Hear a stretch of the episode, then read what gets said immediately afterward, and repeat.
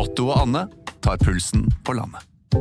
Ja, det gjør vi. Jeg heter Otto Jespersen, og hva var det du het igjen? Jeg heter Anne Grosvold, og hver uke har vi med oss en interessant gjest. Det har vi. Otto og Anne tar pulsen på landet, hører du der du hører podkast.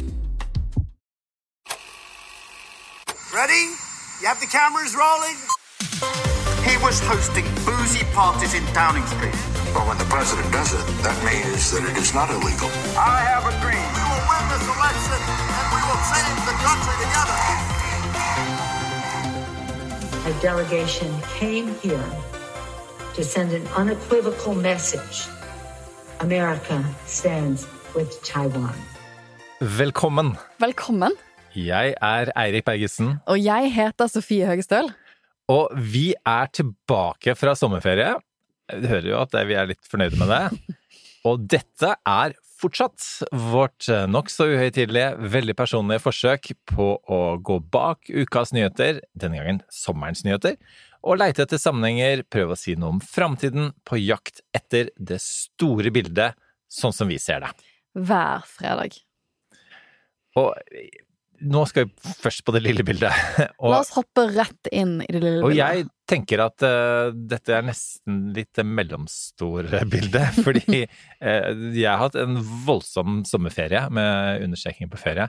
Uh, og Ja, for vi har ikke sett hverandre på fire Nei. uker. Vi har ikke sett hverandre vi traff hverandre nå utenfor Ja. studio. Det var veldig hyggelig. Jeg kom veldig sommerlig med Jeg kjørte ikke bare shorts, jeg kjørte linshorts, og treffer deg Og tøysko.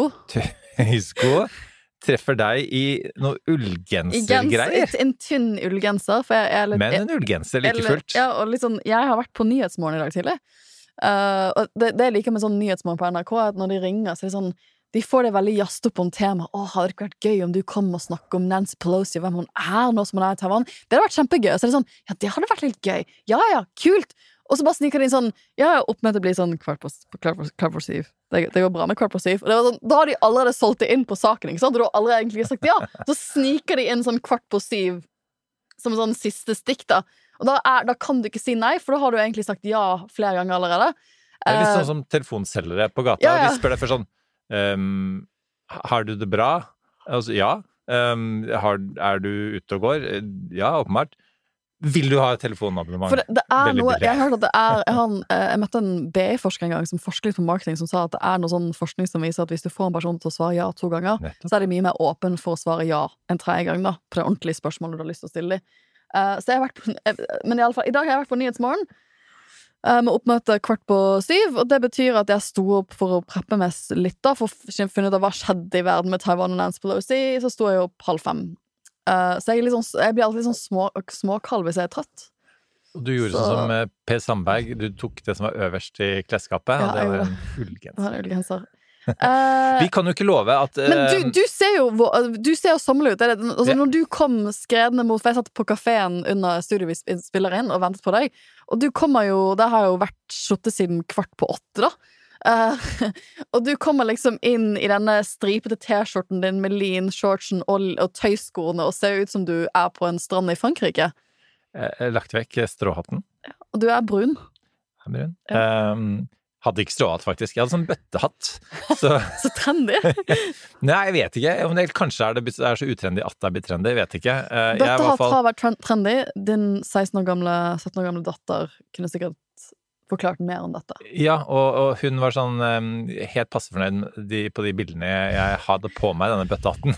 Men den, vernet mot eh, sola. Så eh, jeg er et, i en periode i livet mitt, eh, et ugjenkallelig, tror jeg, hvor komfort og den type sånn ja, um, praktiske hensyn er Mm. viktigere enn det estetiske.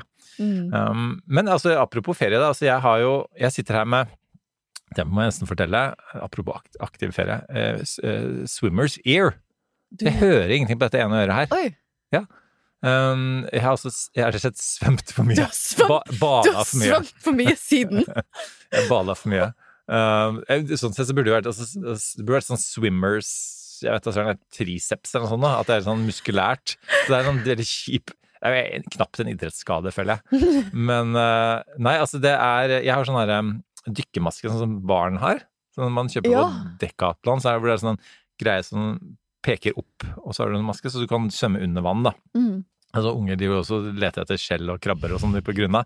Driver jeg, for jeg har kjempedårlig svømmeteknikk. Så jeg klarer ikke å puste og svømme samtidig. Så det, det hjelper meg veldig. Så, så ja, jeg er veldig mye i vannet, og det var grisevarmt i hetebølge i Portugal, så det var ikke så mye annet å gjøre enn å være i vannet. Men jeg har også nå eh, swimmers ear. Jeg føler at min sommer har vært å se på din sommer på Instagram og være sånn litt sjalu. jeg... Jeg har prøvd å begrense meg. Men for øvrig, da, jeg kan bare si um, Jeg var bare litt sånn usikker på dette swimmers ear-greiene først. For at jeg har nemlig hatt en yrkesskade, vil jeg kalle det, eh, en gang i tiden. Ja, hvor jeg jobba så mye, stressa en del, at jeg fikk noe Våknet opp en dag og hørte ikke. På, ja, ja, spesielt på det ene øret. Eh, Dette var diplomatårene. Ja, faktisk. Og dette var faktisk da jeg var på vei hjem fra USA. Jeg, hadde, jeg visste ikke helt hva jeg skulle jobbe med når jeg kom hjem. Eh, Vi hadde barn på vei. Vi hadde ikke et sted å bo. Vi skulle bo hos mine foreldre til å begynne med. Mye greier. Eh, Mye ting jeg skulle gjøre ferdig på jobb. Sånn. Våknet opp, kom hjem, jobb, våknet opp dag én med, uten å høre. Det viste seg å være noe som het sudden deafness syndrome. This is a real thing. This is a real thing. Eh, vet du hvem andre som har det? Nei. Sigurd Allern og Anette Bø. Alt du vet, er Det Altså, vi, burde, vi er ikke en egen forening, men ehm, eh, det er um, Anette Bø er med i sånn, er ukebladet innimellom og snakker om dette. Men eh, det er um, fordi at det, det Hvis man får det i eldre alder, så kan man bli liksom plaget. Hvis man får det yngre, så, så går det bra. så kan det Ja, det går det stort sett bra. Og det tok nesten et år å bli bra igjen, faktisk.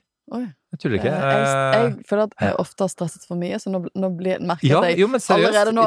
My ears are tingling. Liksom, dette er ikke, ikke, ikke positivt. Så uh, datteren min mente at det var jeg som er blitt så gammel at jeg hører dårlig. Uh, kona mi mente at jeg ikke ønsker å høre etter. Men jeg har swimmers ear. Men det er i ferd med å bli bedre, da. Dette høres ut som en sånn typisk sånn voksenferie med sånn tenåringsbarn som gjør narr av det, og en kone som er sånn ja ja. Men det har jo sett utrolig sjarmerende ut. Jeg har jo Jeg ble jo Du har ikke hatt ferie knapt, du. Ja, eller jeg ble rammet av SAS-streiken. Det, det skjønte jeg egentlig. Jeg skulle jo egentlig til San Francisco midt i juli, men jeg skjønte ganske tidlig at det ikke kom til å skje.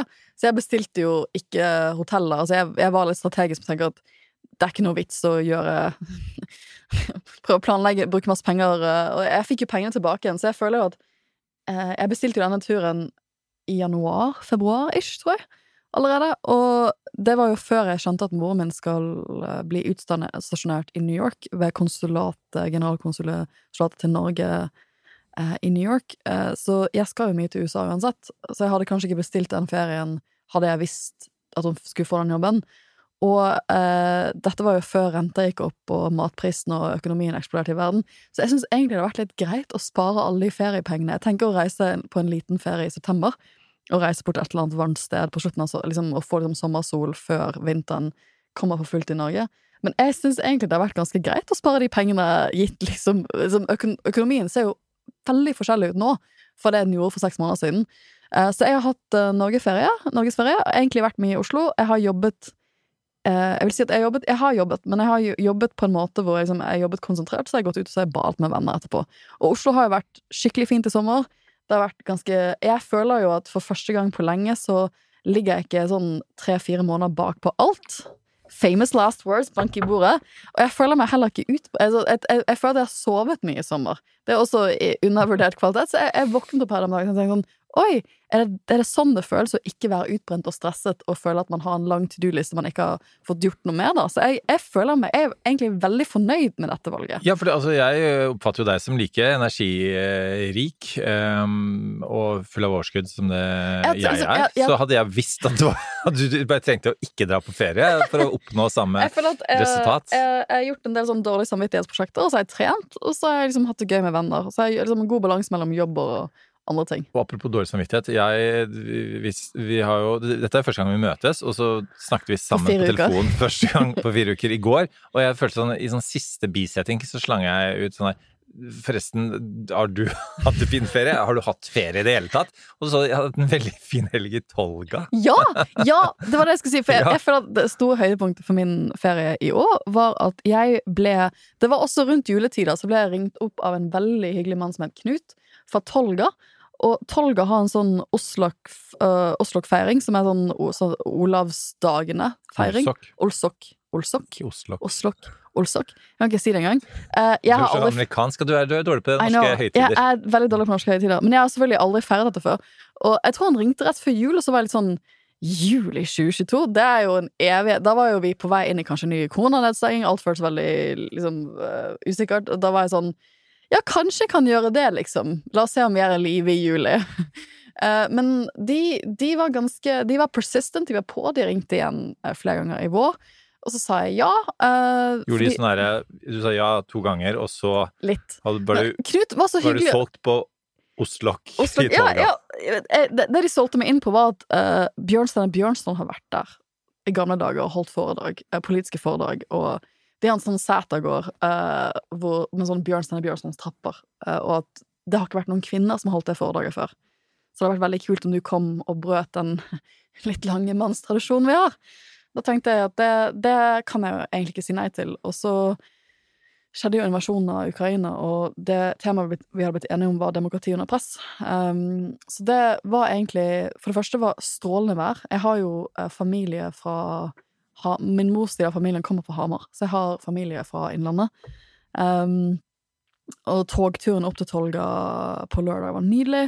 Og foredraget var fantastisk. Det var ute. Det er veldig sjeldent jeg holder foredrag ute. Uh, det jeg følte Det var en sånn unik følelse å snakke om noe jeg opplever som viktig. Det kom masse folk. Uh, det var et veldig fint panel etterpå med lokalpolitikere fra Tolga om demokrati og hva vi kan gjøre for demokratiet vårt. For hovedbudskapet mitt var litt at det kan være Det kan føles som at denne demokrati under press-tingen som skjer ute i verden, ikke har så mye med oss å gjøre. Kan føles, vi kan føles ganske makt... Litt det vi snakket med Henrik Syse om tidligere i sommer. At vi kan føles ganske makteløse i møte med disse, møte med disse kreftene. Men jeg mener at en av de virkelig konkrete tingene hver og en av oss kan gjøre uh, for å bekjempe Putin sin autoritære krefter i verden og Europa, det er å for eksempel engasjere oss veldig aktivt i lokalvalget til neste år. Sånn, det er å verne om vårt eget demokrati enda mer enn det vi har gjort før. Og det gjør vi best ved å, å, å gjøre et, få til et rikt og godt eh, lokalvalg.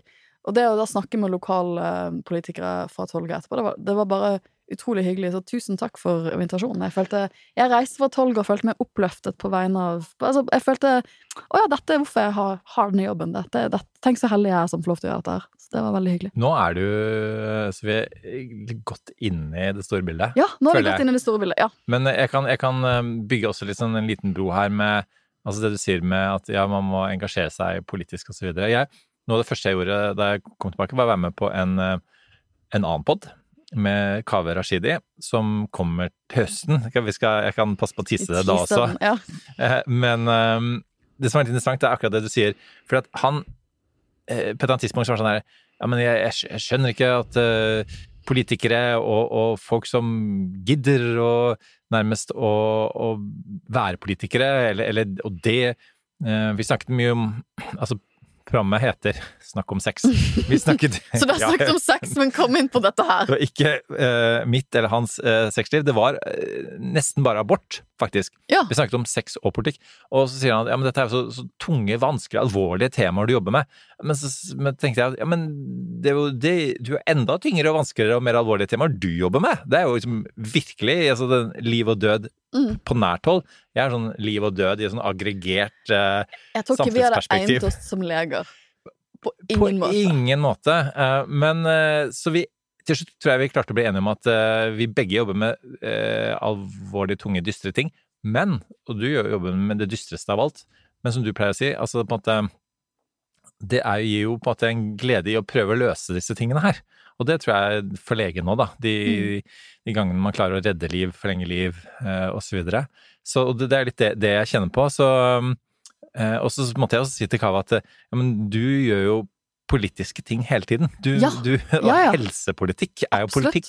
Eh, og, og, og, og sex er politikk. Eh, fordi at det er enten det er abort, eller det er eh, homofili, eller det er eh, transspørsmål osv. Eh, og det er på en måte min kanskje den store tese, er liksom at alt er politikk. Og Mm. politikk er i hvert fall ikke bare det politikerne holder på med. Og hvis ikke vanlige folk prøver å påvirke politikerne og kommentere ting osv., så, videre, så tror jeg kanskje de kan surre seg veldig mye inn i sånn eh, budsjettspørsmål og, og, og, og partiprogrammer og sånne ting, men, men poenget er at eh, disse tingene skal jo regulere hverdagene våre. det, altså, politikk skal jo handle om å skape det gode liv for oss som innbyggere. Og det er jo noe vi alle Og det var litt av en av hovedbudskapene mitt, at vi har i dem, vårt, Altså, demokratiet er bygd på at vi deltar og bidrar aktivt. Gjør vi ikke det, så har vi ikke noe demokrati. Da kan ikke, da kan vi stå på sidelinjene og kjenne på dårlige politikere. For det er faktisk alle vårt ansvar. Det det. Vi må styre oss selv, og derfor er demokrati en mer krevende øvelse enn å ha en sånn topperson som Putin, da. Men jeg vil mye heller bo i et land hvor vi prøver den kunsten å styre oss selv, og vi alle må bære litt og bidra litt og, og være aktive, enn å leve i et autoritært regime. Og jeg snakket en del i foredrag om uh, mormoren min, eh, Astrid Engli, som var lokalpolitiker i mange år for Arbeiderpartiet i Hamar, satt i formannskapet i kommunestyret, hadde fem barn, en mann som eh, hadde MS, jeg tror ikke jobbet så mye, så det var hun som Hun var tannlegeassistent, hadde fem barn, og eh, var brennende opptatt av sitt nærmiljø. Og det, det engasjement, det er, jo, det er jo sånne personer som drifter, som gjør at vi kan ha et godt liv, som har det engasjementet. Jeg tror det som Samfunnsengasjementet har jeg fått mye fra henne, da, eller den viktigheten av å føle eierskap til at du også er viktig i ditt nærmiljø, og du kan bidra. Og vi, vi, som du sier, vi er jo på vei inn i det store bildet, for det at jeg, jeg tenkte jo mye under foredraget Jeg snakket jo mye under foredraget om disse tre p-ene som vi har fått av en av våre favorittpodkaster, The Rest Is Politics, som nå har blitt den største podkasten i Storbritannia. Så det er litt morsomt at, eh, at vi, liksom, vi følt, Vi var tidligere følgere Eller du plukket opp den podkasten veldig, veldig tidlig.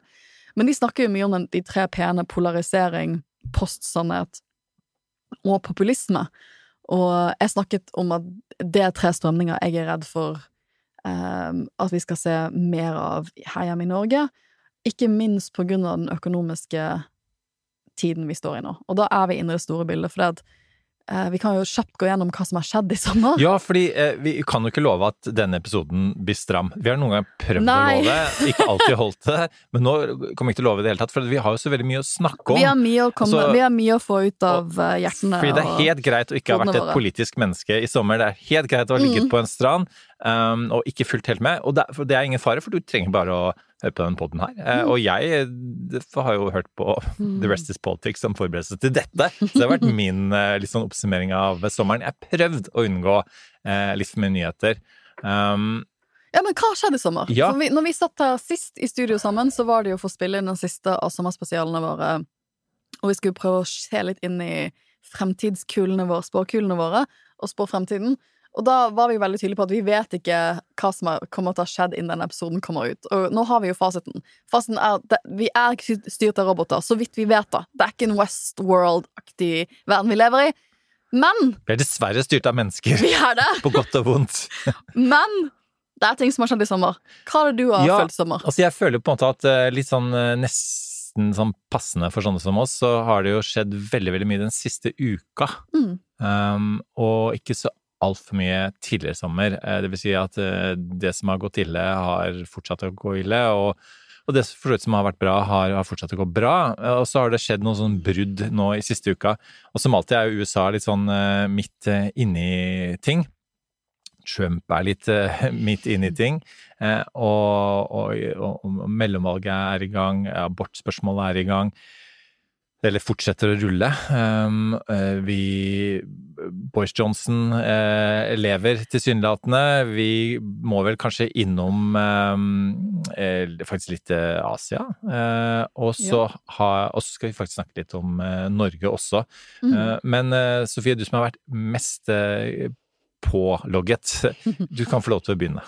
Ja, jeg vil jo si at etter vi spilte inn den episoden vår, så spilte jo jeg inn en episode med Karen Anna Eggen på fredagen. Da hadde du reist på ferie, og da var det jo klart at Boris Johnson måtte gå. Så Boris Johnson overlevde ikke sommeren politisk på den måten, men han er fortsatt statsminister. Det var uklart for oss da vi spilte inn den pod-episoden, om han kom til å få lov til å bli sittende som statsminister i denne perioden eh, hvor de nå holder på å velge ny leder i det konservative partiet.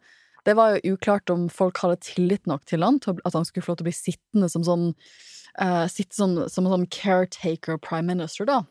Det har han fått lov til å gjøre. det, tror de valgte at De tenkte at det blir for mye hvis vi skal sparke han ut av kontoren til nummer ti allerede nå, og sette inn noen andre. Det har vi ikke, det ork, da orker vi bare ikke. Han hadde giftet seg igjen, eller han har hatt en bry, bryllupsseremoni forrige uke med Carrie. Eh, og plutselig i brits, del av britisk presse så har det plutselig poppet opp en rykte om at mm, han nå kunne tenke seg å bli ny leder for Nato. Du skremte jo vettet av meg på vei inn i studio her med akkurat den nyheten her i stad. Jeg, sånn, jeg vet ikke hva Jens Stoltenberg tenker om det. Altså, hvis jeg var Jens Stoltenberg, så hadde det vært sånn Dette er downgrading. Dette er en Det blir en ny periode med Jens Stoltenberg, dette her. For å unngå dette. Litt fordi at han, Boris Johnson var jo utenriksminister, og en av de tingene som har fått ganske lite oppmerksomhet i Storbritannia, for jeg føler at nyheten sprakk idet han holdt på å gå av, det er jo at det virker jo nå å være klart at når han var utenriksminister, så møtte han privat med noen russiske ymse personer med regimekontakter uten embetsverket sitt og uten sikkerhetsvakter, uten noe som helst. Liksom privatpraktiserende utenfor. Det, det ville jo vanligvis vært en ganske stor skandale. Eh, Det, har, det ble det ikke, for det kom ut liksom uken han gikk av. Men dette er han, var, han imponerte ikke meg stort som utenriksminister. Og som Nato-leder i en veldig urolig verden som vi nå lever i, så trenger du Du skal jo på en eneste Du skal jo greie å kunne ringe Putin og være tydelig, og så mekle litt fred med USA, og så få alle til å gå samme retning da i Nato. Det har jeg liksom ikke tillit til at Boris Johnson har de mellommenneskelige evnene til Han har masse styrker, men akkurat den type Det er jo det Jens Stoltenberg har vært så flink til å gjøre, da. Han har, han, de sier at det er en av de tingene som har gjort Jensen Stoltenberg til en stor Nato-leder, er at han evner å soothe big egos. Han greier å liksom og liksom, og liksom, han greier å stryke medhårs alle disse store egoene han jobber med. Problemet til Boris Johnson han er et stort ego! Det, det, er han, altså, det er ikke han som greier å stryke Nå, skal jeg eh, bruke et fotballmetafor. Ja. Eh, nå håper jeg vår tekniker eh, Torgeir hører godt etter, for han er, det gjør han, det signalet. For at han er en eh, enda større fotballkjenner enn meg. Men eh, altså Zenedine Sedan, eh, tidligere Real Madrid-trener, ble sagt at han, det han var god på som eh, trener, for der er det masse egoer på det laget, er, å- stryke egoene. Eh, Å forstå egoene. Eh, Så det var den fotballmetaforen. Er, eh, Jens Stoltenberg er um, i politikkens Zenedine Zidane. Uh, og, og kanskje en dag så sprekker han også, sånn som uh, Zidane gjorde mot Materazzi, og bare uh, stanget han, ja, ja. stanget han Mm. med hodet i magen. Kanskje han gjør det.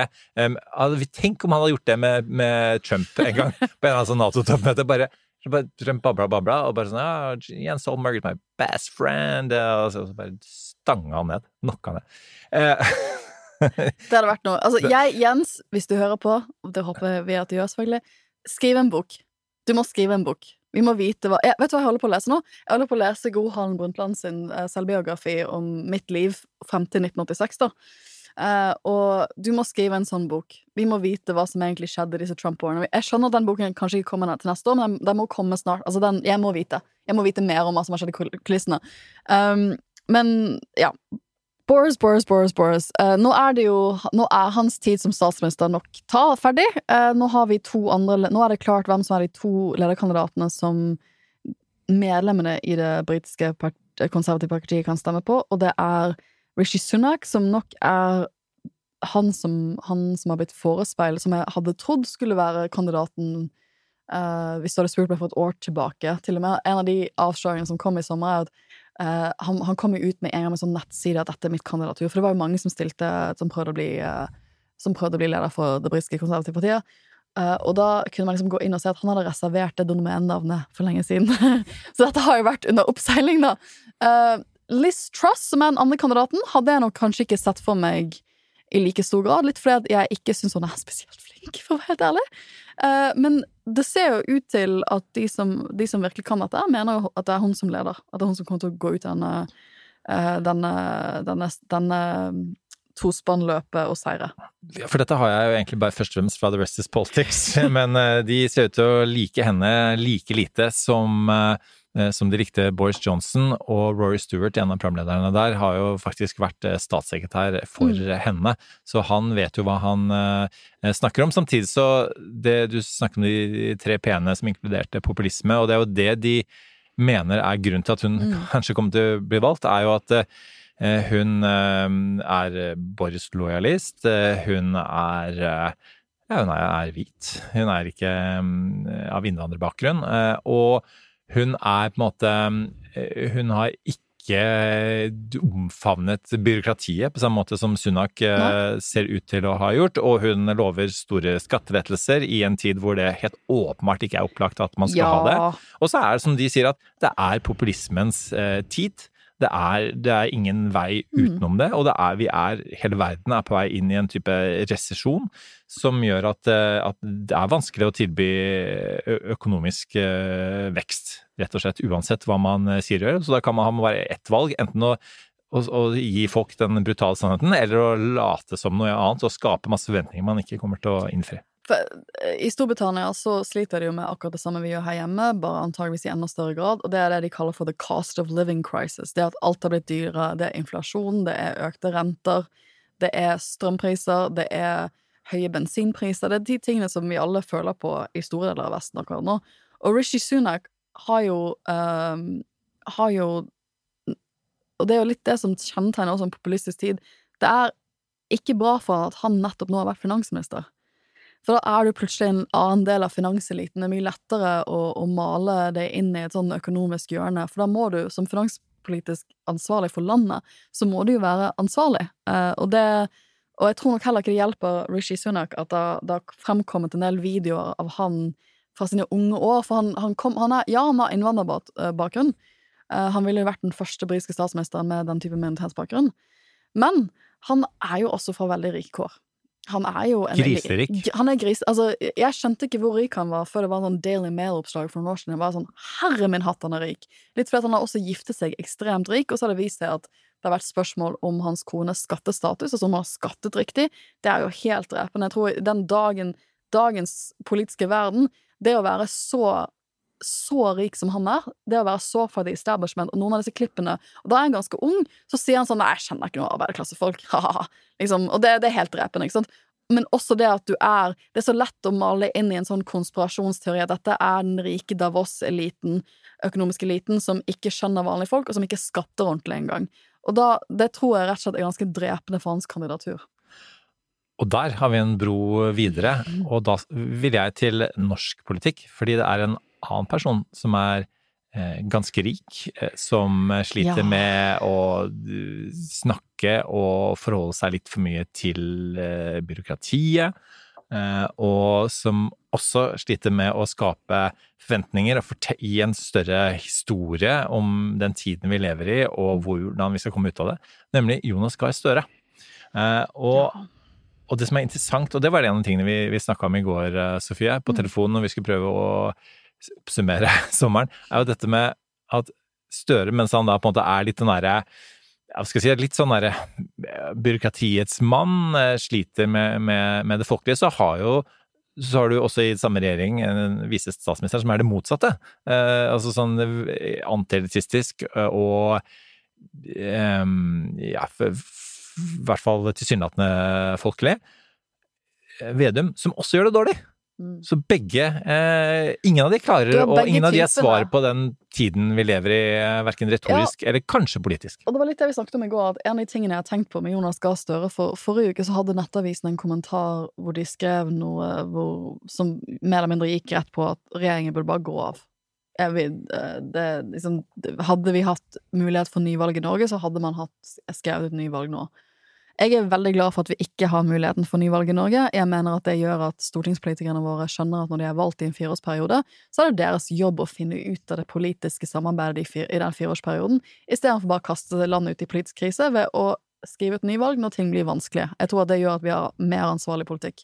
Og jeg er heller ikke Jeg syns også det er lettvint å si etter ni måneder at en regjering ikke holder mål. De er knapt Det er for tidlig i løpet.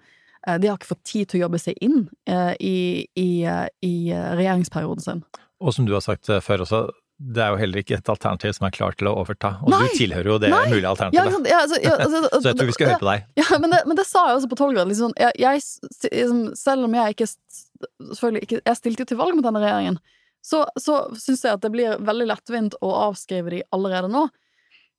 Men det er klart at det, stort, det virker som det er ganske stor konsensus og følelse akkurat nå, at det ikke holder mål, at det, dette regjeringsprosjektet ikke har levd opp til de forventningene som velgerne hadde. Vi må huske at denne regjeringen har i utgangspunktet, da, det er selvfølgelig litt forskjellige partier, men de har i utgangspunktet 100 stortingsmandater bak seg. De fikk et stort flertall, de gjorde et skikkelig godt valg. altså Rød-grønn side som helhet, fra Rødt helt opp til Senterpartiet og Miljøpartiet De Grønne, gjorde et skikkelig godt valg eh, i fjor høst, og nå har stemningen syns jeg så mye at det er nesten rent borgerlig flertall for Høyre og Frp alene på Stortinget.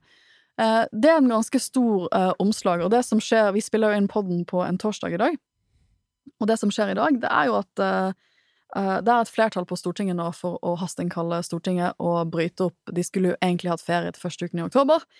Eh, nå ser det ut til at det går mot et, eh, et ekstraordinært stortingsmøte for å få på plass strømstøtte, og at regjeringen sitter nå og jobber med en krisepakke. Eh, fordi at de skjønner at de, de kan ikke De må levere noen politiske tiltak når strømprisene har vært så skyhøye som de har vært i deler av Midt-Norge i sommer. Ja, fordi strøm er kanskje den store saken altså, som, som preger og har preget uh, denne regjeringens uh, arbeid. Og det er sånn uh, Og da er vi litt sånn tilbake til Stuart og på siste vei innom de. Vi snakker om at um, populister, det populister er veldig gode på, er å peke på altså, ekte problemer. Altså ting som åpenbart ikke funker, for det er mye som ikke funker i samfunnet. Det er de flinke på helt, helt fra, og det er de som drar den sammenligningen, ikke meg. Hitler via eh, Trump via Boris Johnson. Eh, og, og, det er helt åpenbart at dette strømsystemet ikke funker. Eh, men så er spørsmålet hva er alternativet? Og det er der populistene ikke helt klarer å levere, og populistene har vært veldig på banen her. Men igjen, hva annet ønsker man seg? Kan man eh, koble eh, av, eh, kutte ledningene til Europa? Nei. Kan man nasjonalisere fullstendig strømsektoren i Norge? Eh, nei. Kan man eh, fullstendig privatisere? Nei. Altså, så jo, kan man på en måte bare gi folk masse penger for å betale strømmen? Mm. Nei, for da skal man gjøre det samme på, på, på, renta, skal man gjøre det samme på, på andre ting. Altså på en måte eh, Svaret er et sted midt imellom her. Svaret er, er veldig byråkratisk, det er teoretisk osv., og, så og, det, og det må lages kompromisser som er vanskelige, som ikke gir alle svar. Og så er det kommer prisen til å være høy, og det er den i hele verden. Sånn at Eh, og, og, og jeg, skjønner at dette er eh, det, det, det, var ikke et godt svar fra meg heller. men, men, på en eller annen måte må Støre må gi en fortelling som gjør at for, for, for politikk er forventninger. Folk må mm. føle at, at, her er det og ikke bare en utredning på vei. Her er det en plan eh, som skal eh, resultere i et eller annet. Og de gangene jeg har um, skrevet eh, taler for folk, så har jeg alltid gått til Martin Luther King. Eh, og Promised eh, Land, som handler om at we're in the valley of darkness, but I've been to the mountaintop, I've seen the promised land. Jeg skal ta det til promised land. Alle politiske taler har det som en kjerne. Altså, du må anerkjenne problemene, og så må du si at vi er på vei riktig mm. sted, og jeg har resepten. Følg meg. Om det er Make America Great Again, eller hva det er, eh, som er populismens eh, på en måte kjerne, for de skal jo hente inn noe som en gang var, som selvfølgelig ikke har vært. USA har aldri vært greater det, det er nå, um, i den grad den er great nå. Uh, men, men, det er en sånn type nostalgi som ligger i, i all type sånn, iallfall høyrepopulisme. Uh, men altså, det er det Støre ikke klarer, da. Uh, Nei, det, det, var litt det vi snakket om på telefonen i går også, litt det jeg har tenkt på de siste dagene, er at uh, Litt ut ifra den The Rest is Politics-podkasten, at han er nok ikke en politiker som kanskje er sin tid, dessverre, vil jeg si. Jeg skal begynne å plinge når vi sier Restless Politics, eh, for å unngå at vi unngå. sier det for ofte. Ja, um, han er nok ikke en politiker i sin tid lenger. Han er en, han er en 90-tallspolitiker. Uh, I den forstand av at, at, han har en bakgrunn som ville vært veldig klassisk for en statsminister på 90-tallet. Han har en fremtoning som kanskje vil være Gro Harlem Brundtland nevnte du i stad. Ja, det er morsomt, for når, når leser, eh, Han er jo nevnt på side sånn tre eller fire i boken hennes. For han var jo Han jobbet jo tett han, som en av de personene som visste hva som skjedde da han skulle gå av. For han har jo vært så tett på, på det politiske systemet you know, siden han var veldig, veldig, veldig ung. Han er en politisk insider. Han um, Han, han Og jeg, jeg er jo fan av Jeg er jo personlig fan av Støre. Når han var utenriksminister, så ville jeg jobbe for han. Da hadde jeg joinet Arbeiderpartiet, tror jeg. Liksom, jeg jobbet for han ja, den gangen. Og han Altså- var en veldig god utenriksminister. eh, Og, og, og så er jo spørsmålet er det, Var det tiden da? Eller var det den funksjonen hans som utenriksminister?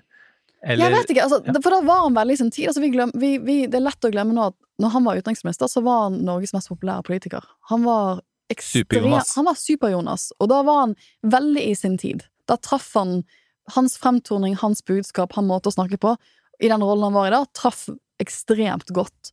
Og det er litt det jeg tenker på nå, at uh, litt sånn som for så vidt uh, i Storbritannia også, at Rishi Sunak er nok også en politiker som hadde gjort seg bedre for ti år siden. Men i det politiske klimaet vi er i nå, uh, så, så er ting litt annerledes, og jeg tror den måten man må kommunisere på disse populistiske tidene vi lever i, er, er ikke det samme som det var på 90-tallet eller tidlig 2000-tallet. Um, og veien jeg, jeg, jeg, jeg, jeg føler jo alltid med regjeringen, så jeg føler fortsatt med regjeringen. Dette Du er føler med alle jeg politikere, føler egentlig, med alle politikere. Ja. Jo, men dette er ikke lett. Jeg er enig med det han sa i dag, at uh, det er ikke noe lett uh, Jeg tror må, være, man må greie å skape en fortelling hvor man er veldig Hvor man gir håp med at vi vet hvor vi skal, men samtidig er jeg veldig ærlig på at de perfekte løsninger til strømkrisen ligger ikke på bordet. De eksisterer ikke. Vi skal prøve å lage det. Vi skal prøve å komme med gode ordninger her, men perfekte, lettvinte løsninger, de fins ikke. Men der, der tror jeg faktisk at vi er inne på, på noe både som, som er problemet til større, men også potensialet hans. For at som utenriksminister så var han faktisk ganske god til, til de store fortellingene. Eh, dette med at vi, vi må tenke globalt, vi må, men vi må handle lokalt. Altså han, han snakket mye om nordområdene som eh, nettopp med utgangspunkt i norsk lokalbefolkning, men også forholdet til, til Russland, eh, til, til USA. Han, han eh, ferdigstilte gråsoneavtalen, som eh, var 60 år in the making. Så han leverte jo konkrete resultater også, men han var først og fremst Han hadde refleksrapporten, han var veldig flink til å beskrive norsk, norske utenriksrelasjoner, og det forstått en av de tingene som jeg var litt kritisk til. For at du skal ikke bare beskrive som politiker, det kan NUPI få lov til å gjøre. Du skal også levere. Um, men som jeg sa i stad, så, så noen ganger så holder det dessverre i politikken. Bare det å skape, skape forventninger. Så du må i hvert fall, i hvert fall gjøre det. Eh, og det er den fortellingen han ikke helt har klart eh, når det gjelder eh, norsk politikk. Ja, og jeg er helt enig med deg, Eirik, at for denne regjeringen her så er det maktpåliggende at de finner det narrativet og den fortellingen eh, utover høsten. Hvis ikke tror jeg lokalvalget til neste år blir en veldig, veldig kald dusj. Og da har jeg bygget en slags bro over til USA. For i USA så er det jo snart mellomvalg, eller deres versjon av et lokalvalg. Og det ligger jo an til å bli en veldig våt og kald dusj for Biden, som nå har gått inn i en sommer hvor han er en slags dødens dal på meningsmålingene, i den forstand at han er mindre populær enn det Trump var på samme tid i hans presidentperiode. Og det hadde jeg nok ikke trodd at vi skulle si, men jeg tenker at det å forklare hvorfor han er så populær, det kan, i likhet med Norge, bare forklares, eller en av hovedforklaringene til det, er økonomien. For han er den minst populære presidenten siden Truman, faktisk. Ja. Eh, og det er Og det sier jo også litt sånn eh, Han har jo ikke gjort noen eh, veldig konkrete feil. Man kan si ja, Afghanistan, eh, tilbaketrekningen osv. Var, var, var klønete osv. Men eh, er egentlig det så utrolig viktig for folk? Eh, og til og med, og dette så jeg noen, noen tall på nylig, til og med altså dette med abort kommer helt åpenbart, vi skal snakke litt mer om det, men eh, til å bety noe i mellomvalget, men det betyr fortsatt langt mindre enn inflasjonen eh, og, og folks lommebok. Det viser eh, tallene. Så enkelt er det. Jeg, jeg, jeg satt også på BBC i går, han Frank Luntz, som er sånn polster, og så var det ei, ei fra sånn surrogate, som det heter, fra demokratiske partiet som har jobba med Clinton, som snakket om at eh, om hvor viktig abortspørsmålet var, og det ekstreme høyre osv. Så, videre. så så ble han bare sånn mer og mer opplagt som som sånn tallmann. Bare sånn Ja, men but the, the numbers! Yeah. You have to look, have at, the look at the numbers. Og, og the numbers are telling me, uh, and should be telling you, at, uh, at det er lommeboka som som kommer til å avgjøre. enten du sy- Og, og, og det, på en måte så sant, Trump sa og gjorde utrolig mye dumme ting, og det tror jeg de aller fleste republikanere også, om de er ærlige, eh, innser. Men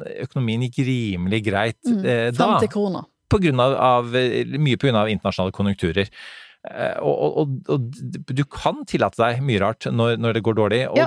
og du, det er kjempevanskelig å være politiker og, bli gjenvalgt om, om det går dårlig i økonomien. Og selv om Norge ikke har den direkte kausaleffekten eh, på økonomi og valg, så, så er det jo noe av det man sliter med i regjeringen. Jeg tror bare det er vanskelig å forklare til en velger at nei, nei, ting går egentlig kjempebra, vi er, vi er en dyktig regjering, når folk føler at de har dårligere råd enn de hadde i fjor.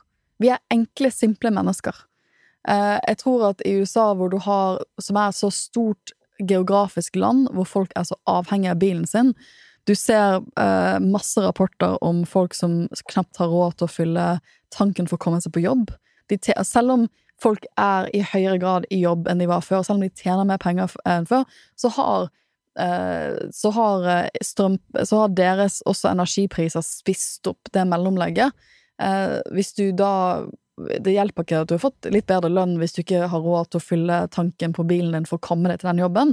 Du føler deg ikke bedre da, nødvendigvis. Og eh, ikke minst det faktum at, eh, at mange også eh, har fått med seg at den amerikanske sentralbanken har, har ikke bare satt opp renten med to renter opp én gang, de har gjort det to ganger, da.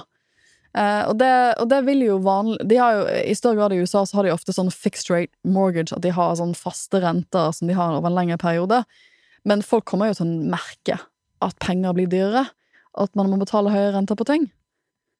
Men altså eh, Og tross de tingene her, så har det jo faktisk vært en veldig god uke for demokratene, vil jeg mene. Eh, og eh, Joe Manskin, som jo har eh, fra West Virginia, som jo har ja, vært en sånn her En av liksom demokratene som har stemt med republikanerne, har jo latt seg overtale til å stemme med eh, demokratene om mm. den siste innenrikspakken der.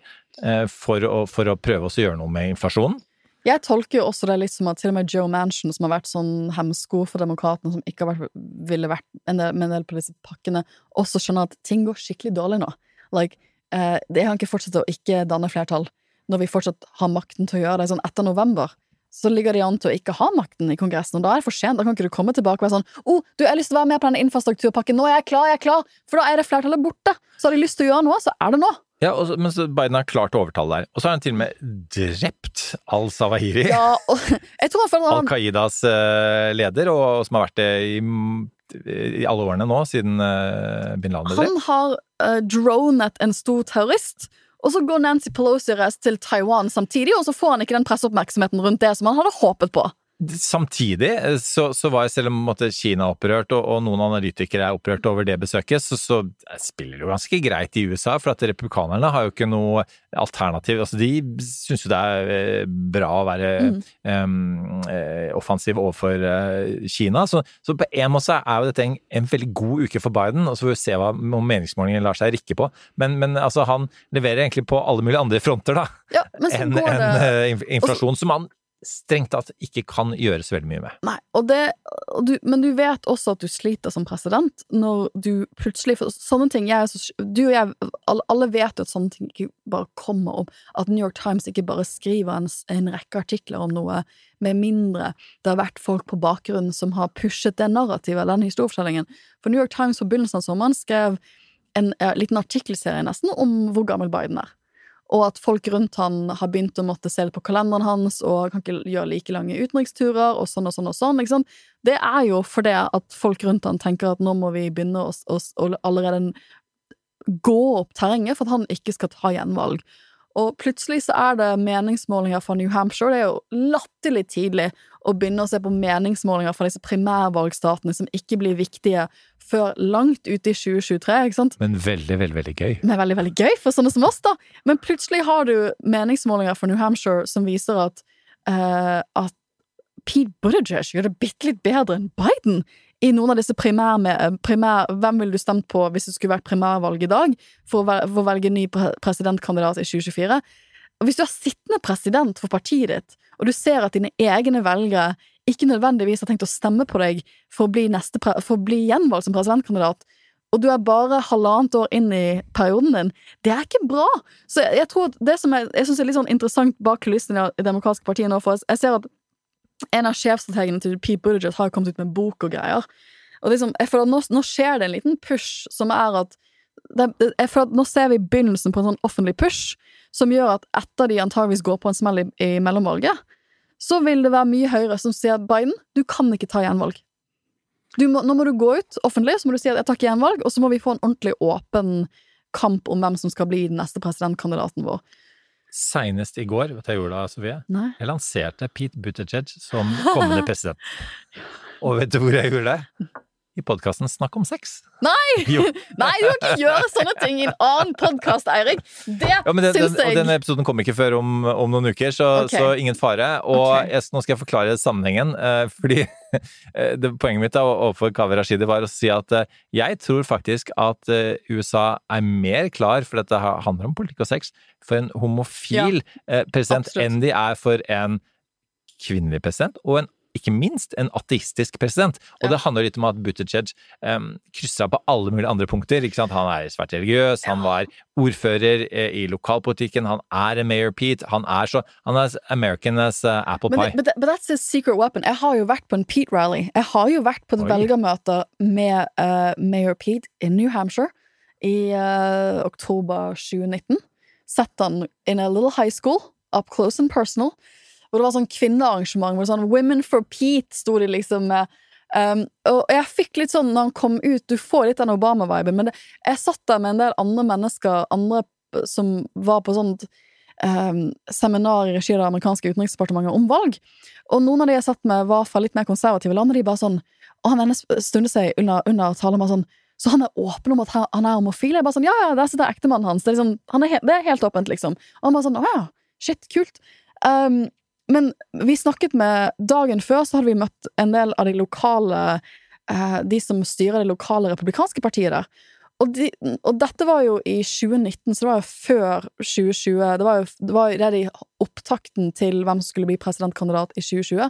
Og da sa de to replikanerne at den personen de fryktet mest, var Pete Buttigieg. For han He is all American values. Han er kristen. Han har en måte å snakke om politikk og religion på som er særegen for en demokrat. He's all American. Ikke sant? Served the military.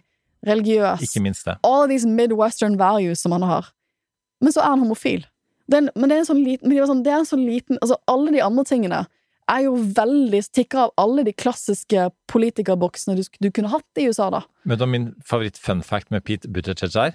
Og det er ikke at han eh, snakker eh, norsk og lærte seg norsk for å lese Erlend Lo, eh, men at han hvis, Fordi han har veldig god tid til å bli president, og det er, det er kanskje en av grunnene til at han kanskje ikke kommer til å stille opp mot en, en Kamala Harris, selv om hun da potensielt kan tape.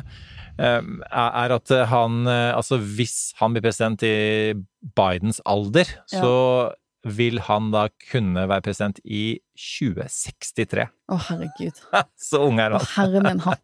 Det er ganske utrolig. Men du, la, Ja, la, dette, la, begynne- la oss må- avslutte USA på, på dette med Kansas, for det er de ja. gode nyhetene. Eh, Eh, ja, eller før vi går innom Kansas, så, så vil jeg bare eh, snike inn her at en av mine Jeg vil ikke kalle det favorittnyheter, men en av de nyhetene som kommer til å feste seg i mitt hode, det er jo at uh, Det er jo en trist nyhet. Uh, Trump sin ja, jo. Ja, bra at du kommer med det. Ja. For det, det var en av de tingene du gledet meg Ja. med i sommer. Trump sin Du ekskone døde avbrøt ferien min for å fortelle meg dette, og det er jeg evig takknemlig for. Ja, Trump sin ekskone døde jo, det er veldig trist. Hun, hun ser ut som hun har falt, ned, hun har falt ned trappen hjemme hos seg selv. Eh, Hun var ikke så gammel. Eh, Dø, uh, har, har dødd. Uh, Hun og Trump var jo gift, det var hans første kone. Hennes andre ekteskap, tror jeg. Eh, Men det var jo ikke god stemning når det, da de skilte seg. i det hele tatt. Ivana Trump Ivana Trump, Ivana deltok i eh, OL for Tsjekkoslovakia, Ja. faktisk, i alpint. Tøff, da, liksom, sånn tøff dame, absolutt. Og, eh, og ja, det, når det ekteskapsbruddet skjedde, så, så var det jo fordi at Trump var utro med Tiffany Trump sin, sin mor. Eh, som uh, Hva heter hun? Mar Maples? Hva heter hun? Marla Maples. Marla Maples. They were banned from the funeral. Det, det liker jeg. Sånn, de fikk ikke komme i begravelsen. Men det som, det som har skapt en del overskrifter, jeg har sett at norsk presse har begynt å skrive nå, så er at hvor er hun gravlagt? Kone nummer én til Trump. Hvor er det han har gravlagt henne? Jo, han har gravlagt henne på golfresortet sitt i New Jersey. Og det er så Trump at jeg liksom Så det har vært masse memes på internettet av hans nåværende kone. Uh, uh, Idet hun liksom Melana Trump Idet hun liksom sånn, sånn skrekkslagen fjes innser at liksom He's gonna bury you at a, one of his golf resorts. Og det er jo som snakk om at han nå får kanskje tax breaks, for da er jo deler etter golfresortet en eller annen slags form for gravsted, og da får man tax breaks. And like, I don't know, man. Altså, som mange har skrevet, det, det å ende opp med å bli gravlagt på din eksmanns golf resort, that's grim. Tenk, tenk om du spiller golf på den eh, banen, og så bare havner ballen oppå på en sånn Ja. derre bunkeren som er Ja. jordpåkastelsen Men jeg til føler at det er, så, det er så peak Trump at du nesten ikke kunne lagd satire av det. ikke sant? Og det Du er så kunne peak Trump ikke- at det- det faktisk eh, eh, abortavstemningene, eh, i hvert fall i ditt eh, hode. Ja. Eh, Sofie, fordi eh, Ja, la oss abortavstemningen det. altså det, det har vi brukt mye tid på begge to de siste par dagene. Eh, altså, eh, etter Roe versus Wade ble opphevet av Høyesterett, så har da statene begynt eh, å stemme over eh, hva de Ja. Nå som de står, står De må ta stilling til hvordan de skal regulere abort på en litt annen måte enn de Ja. gjorde før. Kansas var først eh, ut, eh, og da jeg la meg, så var meningsmålingene sånn ja, ganske close, iallfall nesten 50-50. Ja, Våknet opp nesten to tredjedel flertall for å bevare For det. Kansas gjorde, var at de, det er jo mange delstater som jeg har lest om i avisen, som har begynt å forby abort, og det har de gjort ved at deres folkevalgte bare har laget lover. Eller de hadde allerede lover på gang, som de bare innførte. Det Kansas gjorde, var at de sa at ok, vi skal rett og slett gjøre det til en folkeavstemning. Og jeg ble jo intervjuet om dette i helgen før det skjedde, for det skjedde på tirsdag. Denne folkeavstemningen var på tirsdag. Og litt av grunnen til at jeg var skeptisk til at uh, de som er aborttilhengere, hadde en reell sjanse, det er at folkeavstemninger har jo ofte lavere valgdeltakelse enn andre typer valg, det vet vi jo. Og Kansas hadde litt sånn snikelig da valgt å legge dette, denne folkeavstemningen til midt på sommeren. Første uken i august. Um, i, som en del av primærvalgene deres. Og Kansas er jo en veldig rød stat, og det betyr at de som gidder å engasjere seg i primærvalget i Kansas, det er jo som oftest republikanske konservative velgere. Det er ikke demokrater, for de har jo ofte ikke en sjanse på å bli senator i Kansas. Det er jo, de har jo kandidater, men det er jo ikke like viktig for dem. Så, det, og, og, så istedenfor at og, og liksom, De kunne gjort denne folkeavstemningen som en del av mellomvalget i november, og da ville man sikret ganske høy valgdeltakelse, for da ville jo folk gått og stemt. Det er jo det som ville vært normalt på mange måter. Men man valgte å legge det til midt på sommeren samtidig med primærvalg som man vet demokrater ikke engasjerer seg i i like stor grad. Og da tenkte jeg at da er det kanskje vanskelig for aborttilhengere, som man tenker da allerede er litt i oppoverbakke i en så konservativ stat, å virkelig mobilisere nok mennesker til å vinne den folkeavstemningen. Men Men eh, ja, nesten to tredjedeler stemte altså for, Mm. eh, og det betyr at eh, gitt at Trump vant denne staten med 15 prosent eh, f- eh, margin eh, i 2020 til og med, der han tapte hele landet, så, så betyr det at mange Trump-velgere har rett og slett eh, stemt eh, for å opprettholde abortrettigheter. Og det er jo noenlunde i henhold til eh, meningsmålinger for hele befolkningen. Mm. Så får vi se, hver stat er jo selvfølgelig forskjellig i USA, men som du sier, eh, Kansas er eh, ganske så konservativt. De, eh, for ikke altfor mange år siden så ble en abortlege drept Ja. i Kansas,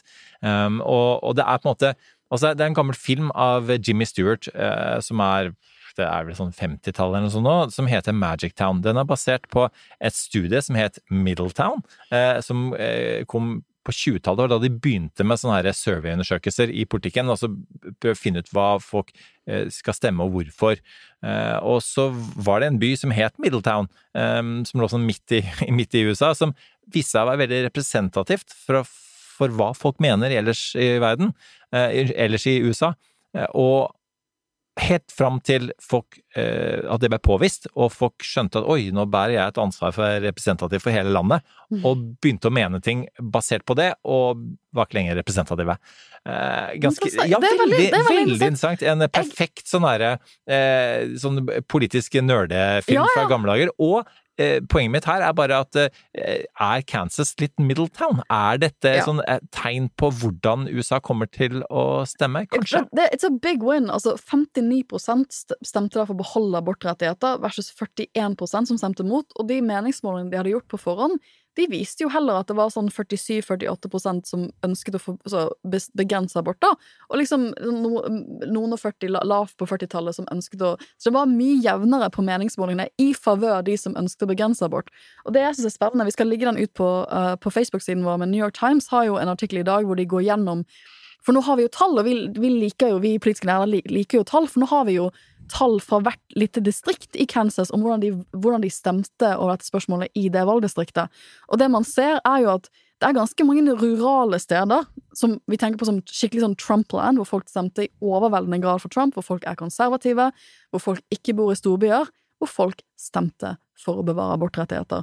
Og en av de tingene som jeg tenkte på, som jeg lanserte for deg, det er at et fenomen vi ble kjent med under Trump, det var jo at antageligvis var det en del Trump-velgere eller folk som hadde lyst til å stemme på Trump, som ble ringt opp av folk som gjorde meningsmålinger, og så spør de ja, hva skulle du stemme på, eller hvem, hvem, hvem støtter du? Og så ville de ikke si Trump, fordi liksom, de syntes det var kanskje litt flaut, eller de ville ikke innrømme at de egentlig hadde tenkt å stemme på Trump, og så sa De de har kanskje ikke innsett det De sjøl har kanskje ikke innsett det selv.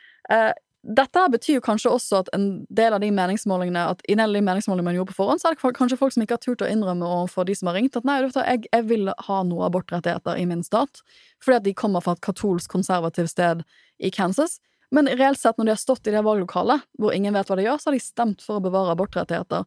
Og dette er en såpass stor steier at jeg tror at det vil nok ha en del ringvirkninger, for det betyr nok at deler av de som ønsker å bevare abortrettigheter i USA, de kommer til å tenke skal vi gutse en del andre konservative stater og prøve å få på plass folkeavstemninger, i håp om at da er det rett og slett en del folk som går noen runder mest til, tenker sånn, tenker sånn For det, sommeren har jo også vært preget av ganske bekmørke nyheter fra USA, for nå begynner man jo å se resultatet av å innføre abort. Man har eksempel hatt en sak med en tiåring som har skapt mye nyheter, som da har blitt uh, utsatt for grove seksuelle overgrep, blitt gravid, eh, og blitt nektet aborttjeneste i hennes delstat, og måtte reist til en annen delstat for å ta abort. Og den delstaten hun reiste til, skal jo også etter hvert forby abort, og den legen som gjennomførte aborten, har blitt saksøkt.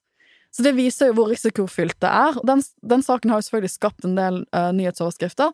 Du har også en del kvinner som For jeg tror vi glemmer litt uh, når vi snakker om abortspørsmål, men du har også en del tragiske historier fra kvinner som har ønsket å bli gravide, har blitt gravide, og så har de funnet ut at barnet er sykt på en eller annen måte, eller svangerskapet går ikke som det skal, og de trenger å ta abort rett og slett for, for, for, som et helsetiltak, for de risikerer livet sitt hvis de ikke får tatt den aborten. Eh, og så er det i delstater nå hvor leger er veldig usikre på om om de kan tilby den aborttjenesten, og er redde for å bli saksøkt selv. Og det var litt det som skjedde i Irland etter hvert, for Irland hadde jo lenge et abortforbud. At du hadde en del saker med kvinner som hadde blitt nektet abort idet de var i gang med å spontanabortere selv, og så døde de som konsekvens av komplikasjoner av de spontanabortene, for de fikk ikke helsehjelp. Eh, og det, det er en sånn ting som ikke så ofte kommer opp, men det er en realitet for veldig mange kvinner. da, at Særlig hvis du ønsket å få det barnet.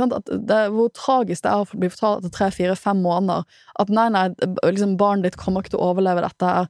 Det er sånn og sånn komplikasjoner. Og så jo, og så, og så får du beskjed om at du må, vi kommer til å måtte ta abort på en eller annen måte, og så er det jo best for sånn fysisk for kvinnen om det skjer fort og ikke senere. Og så finner du ingen leger som kan gjennomføre det. Og det tror jeg også har vært sånn tankevekkende for en del kvinner at ja, hva hvis jeg blir gravid og ender opp i den stasjonen der, og så kan jeg ikke ta abort som, you know, to save my own life? Altså, am I just gonna be left to my own devices? Så det, det er veldig mye interessant, interessante utviklinger her, rett og slett. Og eh, nå, nå må jeg må eh, tilbake ja. til Ja, men før det, så må jeg tilbake til Kave sin podkast. Og nå plinger jeg på den også. Eh, fordi det han sa, som var et veldig godt poeng da vi snakka om abort, var at eh, det som må på bordet, er jo eh, de to fremste midlene eh, kvinner bruker for å ta abort selv, der det ikke er mulig å gjøre det. Det er rett og slett ved altså, medikamenter, mm. rusmidler, ulovlige medikamenter, som noe blir faktisk injisert i skjeden. Og eh, det fremste, altså rett og slett stikkgjenstander. Ja. Og han sa at eh, altså selv med en strikkepinne, selv en lege som fører en strikkepinne inn i skjeden, det er det, ene, det du med all sannsynlighet ender opp med å gjøre, kun er å perforere livmoren. Altså, Ja. du, og, det er eh, og altså, de groteske eh, Altså, du, du, du, du eh, ødelegger kvinners eh, underliv, du kan risikere å, å, å dø. Altså, de groteske faktaene, de må på bordet når man diskuterer de tingene her. Men det er jo Og- litt det som kommer på bordet nå. For det at kvinner blir satt i den Heldigvis, og det må, det må bare Det må på bordet. For at dette er mer enn bare en sånn verdimessig greie. Dette er en medisinsk greie. Og som man også viste eh, tall på, er jo at eh, i de der det er lov med abort, der det er gratis prevensjon, de landene så er det mindre aborter. aborter. Ja. Og motsatt effekt. Så, sånn at, eh, og, og det må på bordet. Og dessverre, da, som jeg måtte si til han, er at, er at eh, selv om det er et eh, utgangspunkt et godt fungerende demokrati i USA, så, så er dette informasjon som ikke tilfaller de folkene eh, som eh, ofte da eh, er eh, mot eh, abort. Ja, Da nå- må vi avrunde. Rekker du å si noe om Pelosi sitt Taiwan-besøk på veldig, veldig kort tid, Sofie? Eh, det er nok det siste store hun gjør i amerikansk politikk. Dette er en dame som har vært, som BBC skrev denne uken Hun har, you know, she climbed to the top of politics, and then she stayed there. Sånn, Hun er en av de første foregangskvinnene i amerikansk politikk. Hun er jo den første kvinnelige speakeren of the house. Hatt, hun er jo da, da den første kvinnen i USA som har hatt et så tungt politisk verv. Men husk at speaker er jo nest, altså a second in line to the presidency. Hvis noen skjer en president og visepresidenten, så er det speakeren som tiltrer. Det er en utrolig viktig rolle. Og hun har hatt den rollen to ganger. Det er det veldig få som har gjort historisk, og hun er den første kvinnen til å gjøre det. 82 år gammel. eh, and she has done it her way, som Frank sa, yet again. Hun reiste til Taiwan, og hun har vel sikkert tenkt at dette er det siste utenlandsbesøket jeg gjør, før det blir mellomvalg, og før vi antageligvis taper det mellomvalget, og jeg må gå av. Også som vi diskuterte på telefon, litt interessant i etterkant å få vite hvor mye av dette her har vært Hvor mye, liksom, hvor mye har Biden-administrasjonen vært mot dette Taiwan-besøket? Liksom, har det virkelig vært så mye strid mellom de to? Var det en lengre tanke? For litt av kritikken rundt dette besøket er jo det at verden er i en så sikkerhetspolitisk spent stasjon allerede med alt som skjer i Ukraina, at at det å liksom legge Taiwan oppå vektskålen også, det tåler ikke verden akkurat nå. Eh, men samtidig, det hun gjør, er at hun gjør det jo klar for Kina at USA støtter fortsatt Taiwan, og ikke kødd med Taiwan. Som selv om vi bruker mye tid på Ukraina, så betyr ikke det at vi har glemt Sør-Kina-havet. Vi har fortsatt fokus på det. Ja, og så vet eh, sånne som oss som har operert en del bak eh, kulissene i politikken, at den historien vi får eh, i mediene om at eh, hun ville dra, Biden ville ikke at hun skulle dra, hun dro allikevel, det er bare en kjerne av sannheten. Her, her er det vært masse det er, det er mye vi ikke vet, eh, og, og det er ingen tvil om at Biden og Pelosi vet at eh, konsekvensene av dette. Eh, de vet eh, De er veldig nøye på hvilken historie som har kommet ut. Så kan det være at det har vært en uenighet der òg, men på et eller annet nivå så er jo også Biden tjent med eh, at eh, å være tøff med, med Kina. Og så er det tross alt sånn at eh, Kina har jo sittet og sett på, på det Putin har gjort Mm. eh, i Ukraina nå, og tenkt kan umulig ha tenkt at dette er en god idé, dette skal vi gjøre med Taiwan ved første og beste anledning. Eh, Og, og det tror jeg også passer inn i kalkylen eh, her. Og så er det litt sånn litt så enkelt at som eh, Dette sa selv om en sånn Thomas Friedman i New York Times var veldig veldig mot dette, så var en Kristoffer Rønneberg i Aftenposten, om ikke udelt positivt, så forklarte han det på en god måte, fordi han hadde truffet eh, Pelosi eh, på, i forbindelse med Nobelutdelingen til ja. eh, eh, Liu eh, Xiaobo. Xiaobo. Eh, Hvor, eh, hvor eh, hun sa at dette var e- en av hennes største dager i, i politikken. Og det tror jeg nå i en alder av 82 fortsatt eh, var. Og han viser også til at hun eh, to år etter eh, opprøret på, på Den himmelske fredsplass var Ja. der, og for å støtte dissidentene. Hun har et langvarig engasjement for menneskerettigheter i Kina og mot autoritære krefter i, i kinesk, altså i kinesiske autoritære krefter i verden. Hun har tatt et standpunkt eh, og har, har stått for det. Hun har gjort som Torbjørn Jagland sa, eh, satt ned foten og stått på den. og, og, og takk og pris for at det finnes sånne politikere, og så tror jeg at det i hvert fall å gjøre ting for at kinesiske myndigheter skal være fornøyde, det er noe man ikke bør gjøre som utenrikspolitiker. Ja, og gjennom denne tospillet her, så greier jo også USA å fortsette den litt rare utenrikspolitiske linjen de balanserer på, den dobbeltkommunikasjonen med Taiwan, hvor de, ikke, hvor de sier på den siden Nei, nei, vi sier ikke at de skal være uavhengige, vi støtter demokratikampen. Og gjennom at hun reiser, og Biden får lov til å si det han har gjort fra Det hvite hus, og hun har fått lov til å si hva det hun gjorde i Taiwan, så fortsetter de jo den underlige klassiske amerikanske dobbeltkommunikasjonen rundt Taiwan, hvor de får klargjort at de støtter Taiwan innenfor de grensene hun gjør. Jeg synes det var interessant Hun skrev en kronikk i Washington Post på onsdag hvor hun forklarte hvorfor hun reiste. Og Da trekker hun direkte bånd og sier at jeg var i Kiev for noen måneder siden og møtte Zelenskyj. Jeg berømmet han for den kampen det ukrainske folk gjør for demokratiet. Og da må jeg også støtte opp om demokratiet her. Så hun, hun, hun snakker jo kritikerne sine midt imot ved å selv trekke en eksplisitt linje til Ukraina og si at hvis vi støtter den demokratikampen der, så må vi gjøre det her også. Dessverre så er den, den, en siste link på det, det er jo at mens Putin ser det som en del av sitt ettermæle å ta Ukraina, så ser eh, Xi Jinping det som en del av sin ettermæle å eh, ta eh, Taiwan. Forene, På et eller annet tidspunkt så kommer han til å prøve å gjøre det, men antageligvis eh, ikke nå, er, tror jeg er en konklusjon. Med det Ja, Takk, kjære lytter. Så... Nå har vi fått snakket ut, men jeg føler at vi har masse å snakke om neste uke. Ja. Før vi kommer til uh, slutten av episoden, så må vi ta en bitte liten avpåkobling og påkobling. Fordi at jeg er jo en ihugga Beyoncé-fan, for de av dere som ikke visste det.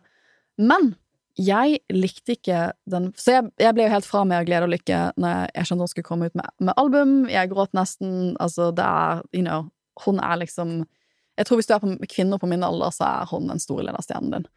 Uh, Popkulturelt. Uh, men jeg likte ikke den første singelen hennes så godt. Den Break, uh, Break My Soul. Jeg likte den ikke så godt. Så jeg, Shots are fired. fired. Jeg, så jeg syns rett og slett det var litt vanskelig. Uh, jeg jeg syns at dette er sånn Beyoncé gjør housemusikk. Jeg skrev til en venn sånn Har vi blitt så gamle nå at liksom våre pop liksom, våre, våre popstjerner og R&B-stjerner lager sånn musikk hvor de prøver å være hippe, men de er 41 år gamle og er ikke så hippe likevel. Men så hørte jeg albumet, og jeg digger det nye albumet hennes, for det slapp på fredag. Jeg hørte, uh, jeg hørte på det mer eller mindre nonstop på vei opp til Tolga og på vei tilbake fra Tolga. Det er sånn fire-fem timer på tog. Og når jeg fikk høre liksom singelen i konteksten av albumet, så skjønner jeg det mer. Jeg liker også at hun har Jeg, føler at hun, jeg liker jo artister som utfordrer også sine fans. Jeg føler at Her har hun tatt seg selv i en annen retning, som er mye mer lekent. Det er mye mer Hun er en sånn perfeksjonist som, som, liker å gjøre ting veldig kontrollert og veldig perfekt. Og jeg føler at Her slipper hun seg løs, og så har hun laget et partyalbum. For liksom, det er det folk trenger nå. De trenger å danse litt. Her er mitt litt sånn løse, ikke veldig seriøse partyalbum, hvor jeg leker meg uh, musikalsk. Jeg la, jeg la, ikke en oppfølging til Lemonade, for det er vanskelig å gjøre. Det var, det var en stor political statement. Det gjør jeg ikke igjen. And I'm like, no, I really like it. Og liksom, she's taken me where I didn't think I wanted to go, but I do want to go. Digger det. Du høre min take på Beyoncé sin nye plate, ja. Sofie? Og dette vet jeg ikke om du visste, Nei. Men jeg har ikke hørt den. Skal, skal kanskje høre den. Uh, jeg tror ikke folk trenger vite hva en 50 år gammel hvit norsk mann mener om denne plata.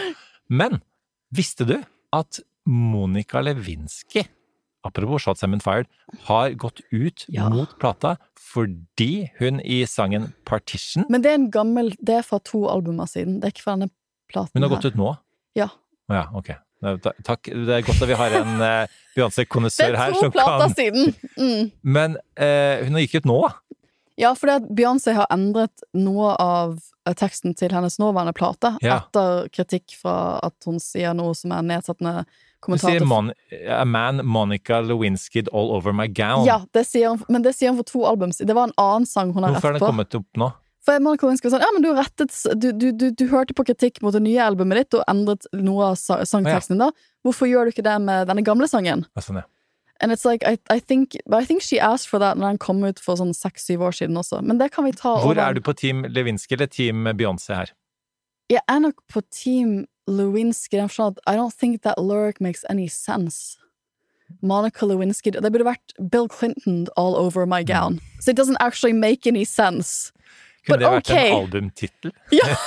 Beyoncé. Bill Clinton out all over my gown Ja. is out now at Ja. stores next year. Så Så jeg, jeg føler at den, that lyric doesn't actually make any sense. Så jeg er litt Team Lewinsky der. Min avkobling, påkobling, som for så vidt er både avkobling og påkobling, er noe helt annet. Uh, mer i retning av hvit eh, mann pluss sy- Pluss 50 var, det var litt uh, overdrevet. 50. Nylig blitt 50. Nylig 50. Veldig nylig 50. Ikke pluss 50, ikke kategorien eh, 50 til 70, som jeg måtte kutte av på et eller annet sånn eh, koronagreier her nylig. Det var eh, fælt. Men uh, jeg har vært i, eh, på ferien. Nå er vi sånn tilbake til start. Circle of eh, ferie. Eh, vært i eh, Lisboa for tredje gang. En, en favorittby. Eh, mye fordi at det er en sånn der, eh, shabby chic versjon av Roma. Ting er sånn helt passe skakt, eh, og i et samfunn som er passe skakt eh, og skakkjørt. Dessverre, for så vidt, men det er jo noe av sjarmen med å være på ferie og komme tilbake til et godt fungerende land. Um, Men Fernando Pessoa er jo en fantastisk forfatter, eh, og dessverre, som en god del kunstnere og forfattere, en plaget mann, eh, derav kunsten kanskje, men også så plaget at han fikk jo knapt utgitt eh, noe mens han levde. Han utgikk bare én bok som het The Message, på portugisisk Messange, eller noe sånt. Messange.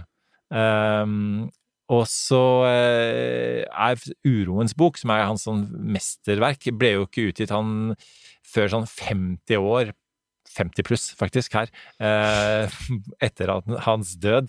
Eh, men det anbefales. Uroens bok er en av disse bøkene som aldri blir ferdiglest, som, som, jeg til enhver tid har på en eller annen sånn lydbokspiller som ligger ved nattbordet, og som jeg plukker opp, som er nærmest et eneste langt dikt, eh, som kan sammenlignes litt med James Joyce sin Ulysses, men som er faktisk, for de som mange som sikkert har prøvd å lese den, og uten å klare det, det inkluderer meg, så er den faktisk lesbar, Uh, Uroens bok. Jeg liker at jeg er litt gitt deg popkultur, og Eirik har noen gang bare sånn tatt, dratt helt opp med høykultur. Med det er vi Mhm. ferdig. Så Ja. jeg tenker at vi kommer i mål med dette. Vi kommer sikkert til å stå på gatehjørnet her og fortsette i en eh, time eller to. Eh, Det gjør vi jo til vanlig Ja. også, så det er jo ikke noe nytt der. Takk Men, til eh, alle som lytter på. Ja, herregud. Og altså, vi er det, Apropos tall, det må lov å si. Opp 30 i sommer. Ja. Så takk og lov for at vi lagde disse Ja, takk for at dere har sommerspesialene. lyttet på. Hørte på det, det betyr så mye. Vi har det så gøy med disse pod-episodene, og jeg gleder meg allerede til å gripe fatt på neste ukes tema når den tiden kommer. Og så skal vi til Arendal Vi skal til Arendal! og podde. Vi skal podde. Ja. Eh, Så det blir jo kjempegøy. Mer om det neste gang. Inntil videre, de som fortsatt er på ferie, eh, kos dere videre. Håper eh, dette, om ikke var nok til å oppsummere alt som har skjedd politisk og nyhetsmessig i sommer, håper det var en start, en liten sånn startpakke på veien tilbake til sivilisasjonen. Ja, Så må du høre på Beyoncé. Og lese episode. Takk for oss. That's enough. Put down the mic.